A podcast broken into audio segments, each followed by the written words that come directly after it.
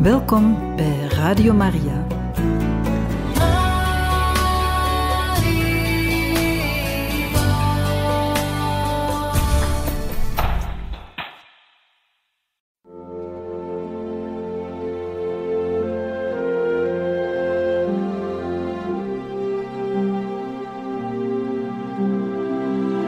Beste luisteraars van Radio Maria, welkom bij het programma Catechismus.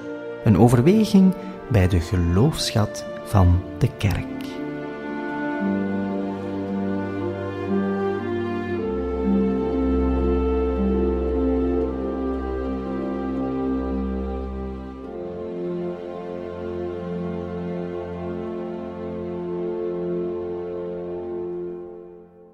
Van harte welkom, beste luisteraars, in het programma Catechismus. En een zalig kerstmis gewenst vanwege Radio Maria. We luisteren nu naar een catechese van eerwaarde heer Dirk van der Linden over het mensgeworden woord.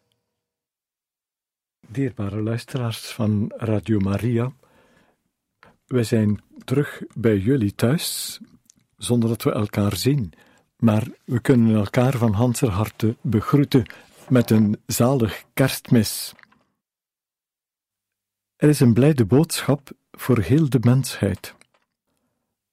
Johannes begint zijn evangelie met deze boodschap. In het begin was het woord, en het woord was bij God, en het woord was God. Dit was in het begin bij God. Alles is door hem geworden en zonder hem is niets geworden van wat geworden is. In hem was leven, en dat leven was het licht van de mensen. En het licht schijnt in de duisternis, maar de duisternis nam het niet aan. Het ware licht dat iedere mens verlicht, kwam in de wereld. Hij was in de wereld. De wereld was door hem geworden, en toch herkende de wereld hem niet. Hij kwam in het zijne, maar de zijnen aanvaarden hem niet.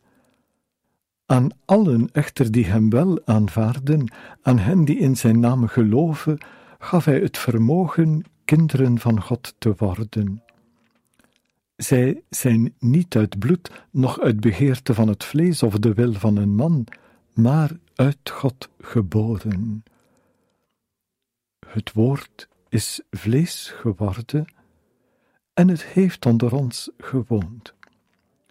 Wij hebben Zijn heerlijkheid aanschouwd, zulk heerlijkheid als de enige geborene van de Vader ontvangt, vol genade en waarheid. Wij hebben Johannes getuigenis over hem toen hij uitriep: Deze was het van wie ik zei: Hij die achter mij komt, is voor mij, want hij was eerder dan ik. Van zijn volheid hebben wij allen ontvangen, genade op genade. Werd de wet door Mozes gegeven, de genade en de waarheid kwamen door Jezus Christus. Niemand heeft ooit God gezien. De enige geboren God die in de schoot van de Vader is, Hij heeft Hem doen kennen. Dierbare luisteraars, dit is de blijde boodschap. En Johannes kan het misschien zeer vreemd aankondigen, maar uiteindelijk zegt hij: de verborgen God. Nooit door iemand gezien. Hij die dus in de schoot van de Vader was, hij heeft die Vader doen kennen. Hij heeft de Vader verlaten om bij ons te komen wonen. Het kerstgebeuren is een groot mysterie. Met ons menselijk verstand kunnen we daar echt niet bij. Het vraagt eenvoudig, met een oprecht hart, geloof in de levende God. Ik zeg wel de levende God, want God is iemand die beweegt en die als bewegende God ons tot bewogenheid brengt. Ook al zijn we oud en ziek en kunnen we niet meer bewegen uit onszelf, we worden nog bewogen en opgetogen en uitgetogen dankzij de plaatsgrijpende God. God is iemand boordevol leven, boordevol liefde, zo vol dat hij ervan ontploft. De Hanse schepping is al een explosie van Gods creatieve liefde. Na de schepping krijgen we de verlossing. De Schepper openbaart zich in de Verlosser, Jezus Christus. Bij de geboorte van Gods Zoon ontvangen wij de ware liefde zichtbaar, tastbaar, hoorbaar en voelbaar. Het woord is, zoals Johannes het schrijft, het woord is vlees en bloed geworden.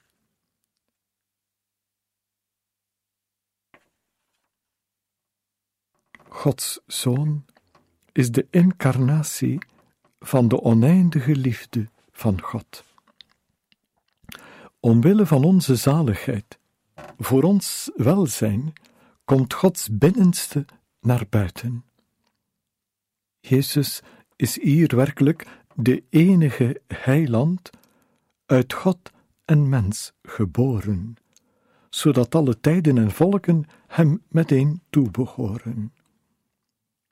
Jullie hebben het gehoord in het slot van de proloog van Johannes, het evangelie van de dagmis, van kerstmis. Niemand heeft ooit God gezien. De enige geboren zoon die in de schoot van de Vader is, hij heeft hem doen kennen. Hier blijven we even verwijlen bij de grote realiteit: niemand heeft ooit God gezien. Dit is waar tot op vandaag. De, techniek, de technieken, de wetenschappers, alle mogelijke uitvindingen van de mensen om te communiceren met elkaar, hebben ons nog niet geholpen om te communiceren met God. Men kan met de verste raketten het heelal verkennen, maar geen enkele raket geraakt tot in het hart van Gods wezen. Onze grote, ontzagwekkende, scheppende God blijft verborgen voor mensenogen. Verborgen en toch niet verborgen. Want dankzij de menswording van Gods Zoon krijgen wij deel aan het goddelijk leven en geeft God ons de kans om Hem te kennen. God verplicht ons niet om Hem te ontvangen. God dwingt ons niet om Hem binnen te laten. God eist ons niet op, maar Hij wil zich openbaren aan wie zijn hart opent voor Hem.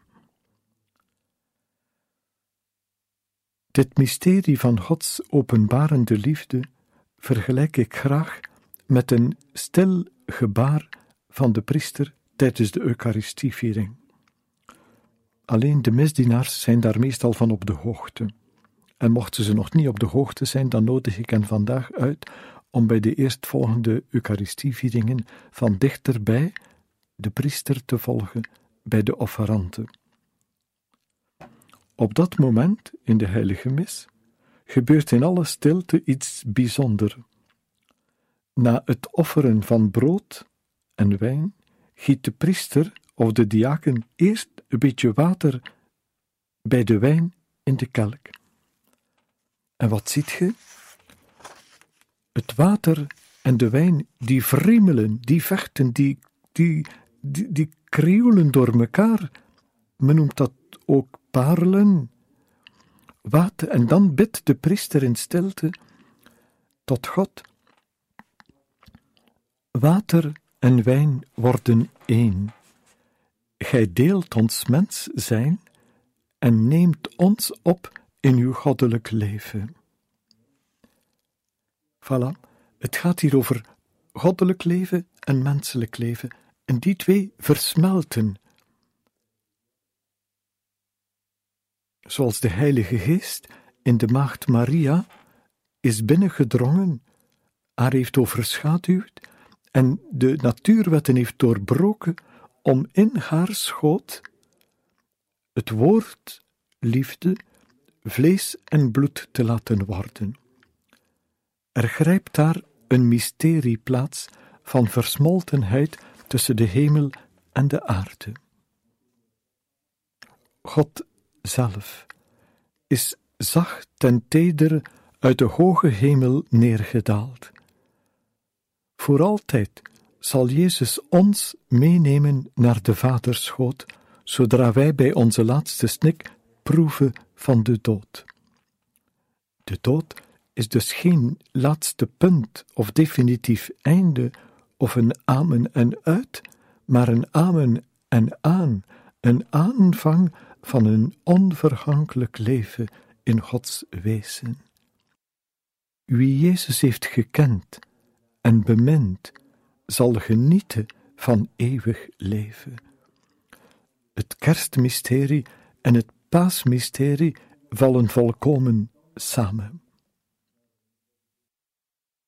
In de geloofsbeleidenis zeggen wij: Wij geloven in Jezus Christus, enig geboren Zoon van God, voor alle tijden geboren uit de Vader, God uit God, licht uit licht, ware God uit de ware God, geboren, niet geschapen, één in wezen met de Vader en door wie alles geschapen is. Hij is voor ons mensen en omwille van ons heil uit de hemel neergedaald. Hij heeft het vlees aangenomen door de Heilige Geest uit de Maagd Maria en is mens geworden. Hoe mooi heeft het credo, de geloofsbelijdenis, dit verwoord. Omwille van ons heil, omwille van ons geluk, omwille van onze zaligheid, omwille van onze zielenvreugde, is God mens geworden. Wij hebben dus alle redenen om te jubelen, om te juichen, om te zingen. Want de Almachtige, die in onmacht is verschenen, hij is de Allerhoogste, die klein en kwetsbaar verschijnt in een sterfelijk lichaam. Hij kwam dus wandelen in ons tranendal. Hij weet wat ons wenen is. De derde prefatie van Kerstmis bidt als volgt: Gods Zoon gaat een ruil aan met de mensen. Het woord neemt onze zwakheid aan en schenkt onsterfelijkheid aan hen die moesten sterven. Door een wonder wordt Hij een van de onzen om ons te verheffen tot Zijn eeuwigheid. Tot hier dit dankgebed. God is bij ons komen wonen om ons te verheffen tot Zijn eeuwigheid. Het kerstmysterie en het paasmysterie elkaar. En daarop antwoorden wij van Hanser harte met een amen. Wij beamen en bevestigen dat de onzichtbare, enige, eeuwige God zichtbaar, tastbaar, voelbaar, hoorbaar op aarde is verschenen. En de tweede privatie van Kerstmis vertelt: Wat vervallen is, richt hij weer op. Heel de schepping wordt hersteld en de verdwaalde mens roept hij terug naar het koninkrijk der hemelen. Dierbare luisteraars, dit is om te dansen van vreugde, om met de golven van de zee heen en weer te deinen op het ritme en de cadans van Gods adem.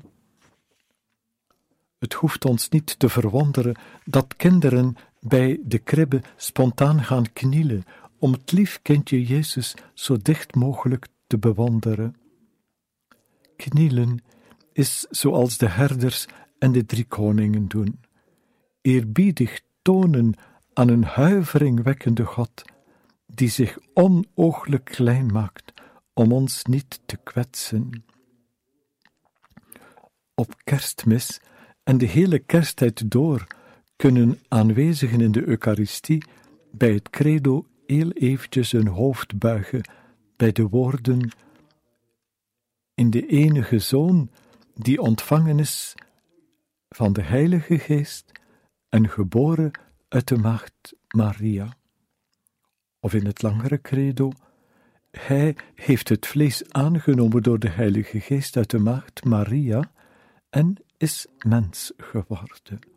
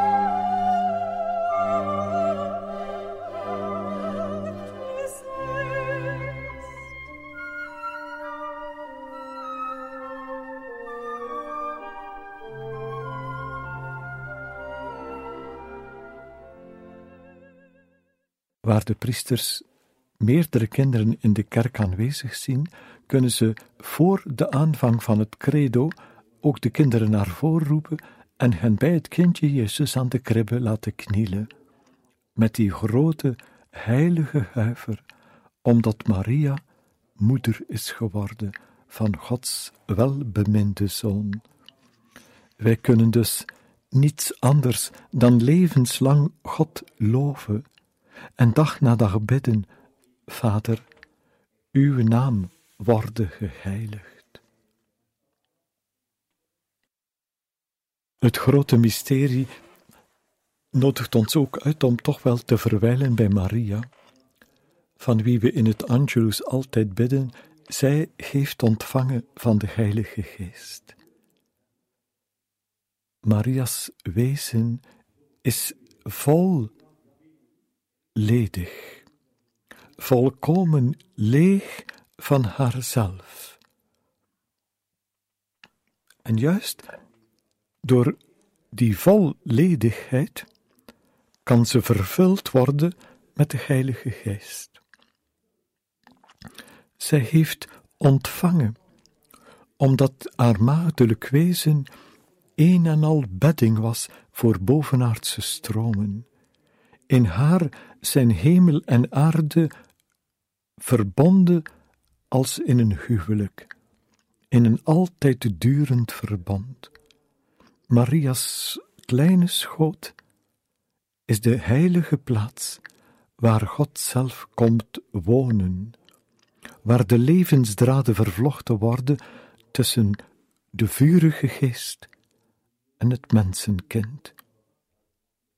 God wordt mens en in het kind Jezus krijgen wij de God-mens. Wij ontvangen de hemel dankzij Maria's ontvankelijkheid. Dat staat diametraal tegenover de houding die de mensen tegenwoordig willen aannemen, namelijk grijpen, grijpen, grijpen, hebben, hebben, nog meer hebben, alsmaar meer willen hebben. Zoveel werkende mensen in verschillende branches durven nog staken om hogere wetten te krijgen. Altijd moeten we meer hebben, hebben, hebben, bezitten en we lijken nooit content. Ook politiekers willen altijd maar meer en meer stemmen en succes hebben en daardoor ook macht hebben, zodanig dat we niet meer leven in een democratie, maar in een tirannie. De wereld dicteert aan God wat hij moet doen, in plaats van te gehoorzamen aan God, die zijn zoon gezonden heeft omwille van onze gezondheid. Onze gezondheid is een gave, een geschenk van God. Wij kunnen de gezondheid niet grijpen of pakken, wij krijgen haar. Wij kunnen de zon niet grijpen, we krijgen haar. We kunnen de maan en de sterren bij klaarlichte nacht niet grijpen, wij krijgen de sterrenhemel. Wij kunnen de zuurstof niet grijpen, wij krijgen het. We kunnen het leven niet grijpen, wij ontvangen het. Daarom is het ook dat Jezus durft te bidden: Vader, niet voor de wereld bid ik.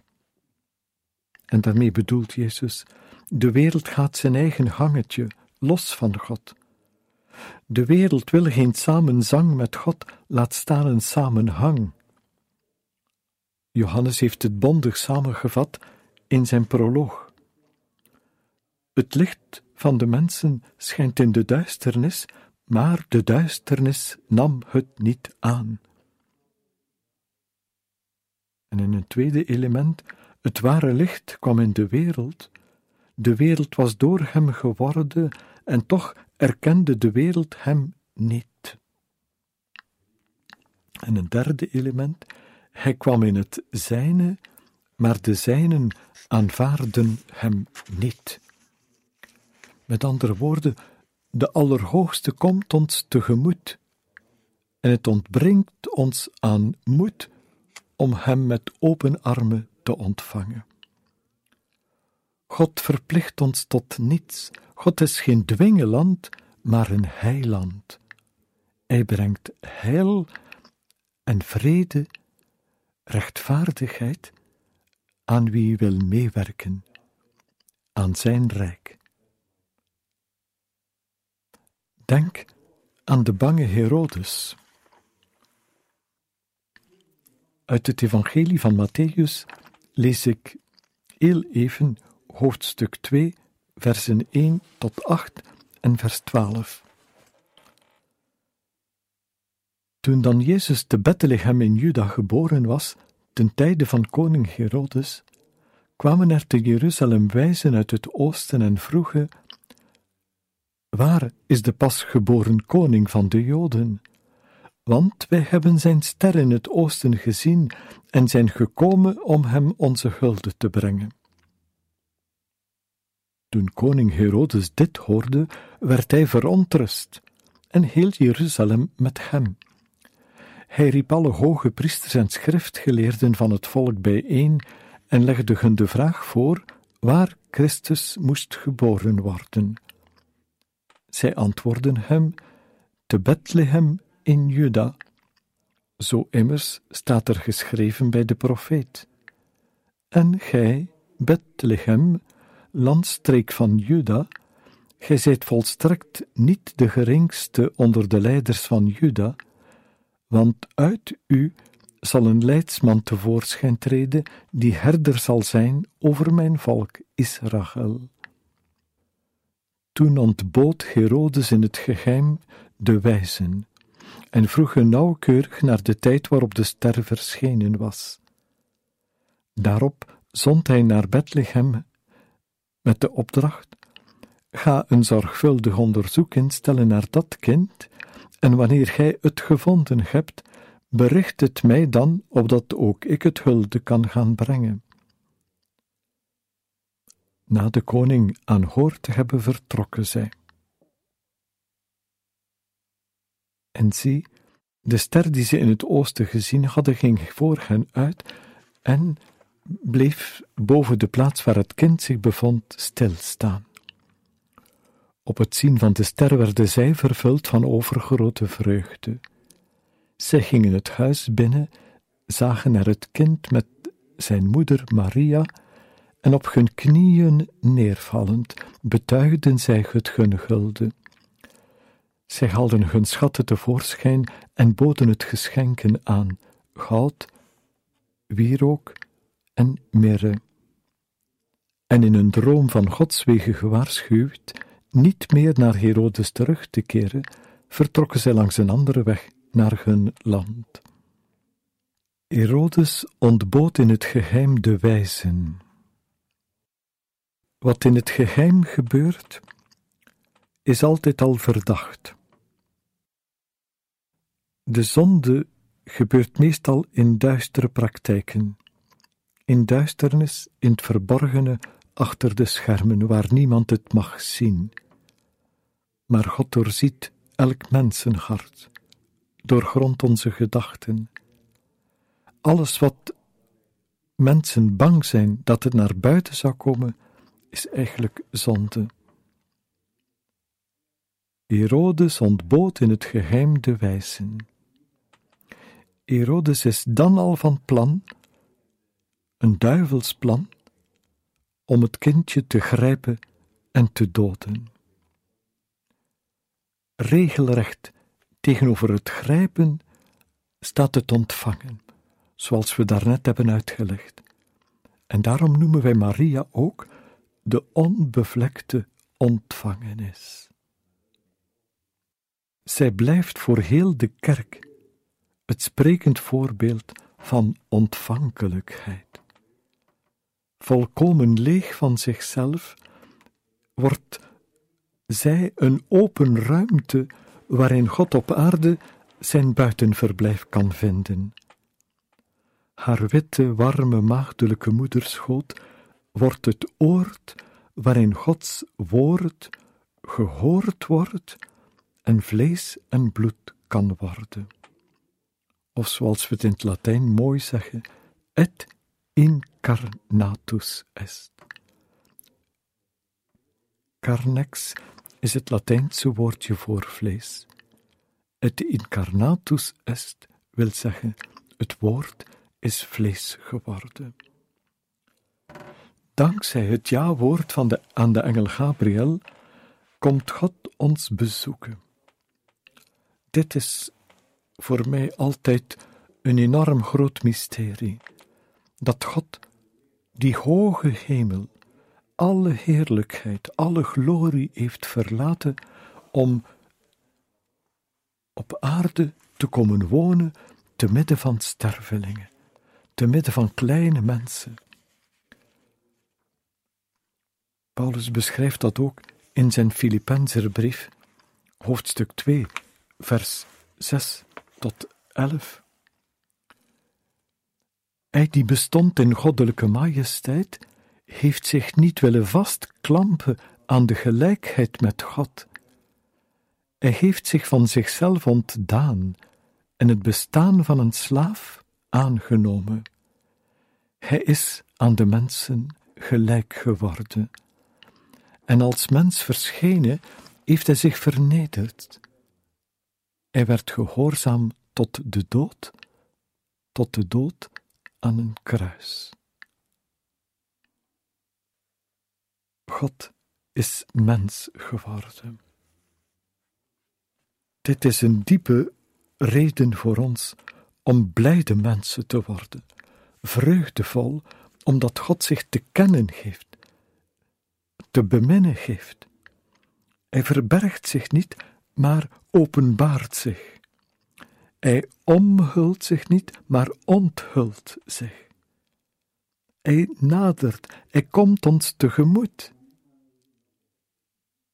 Hij komt dichter en dichter. We zouden bijna het lied moeten zingen dat jeugdbewegingen zingen wanneer ze rond het kampvuur zitten. Schuif maar dichter, dichter, dichter, dichterbij.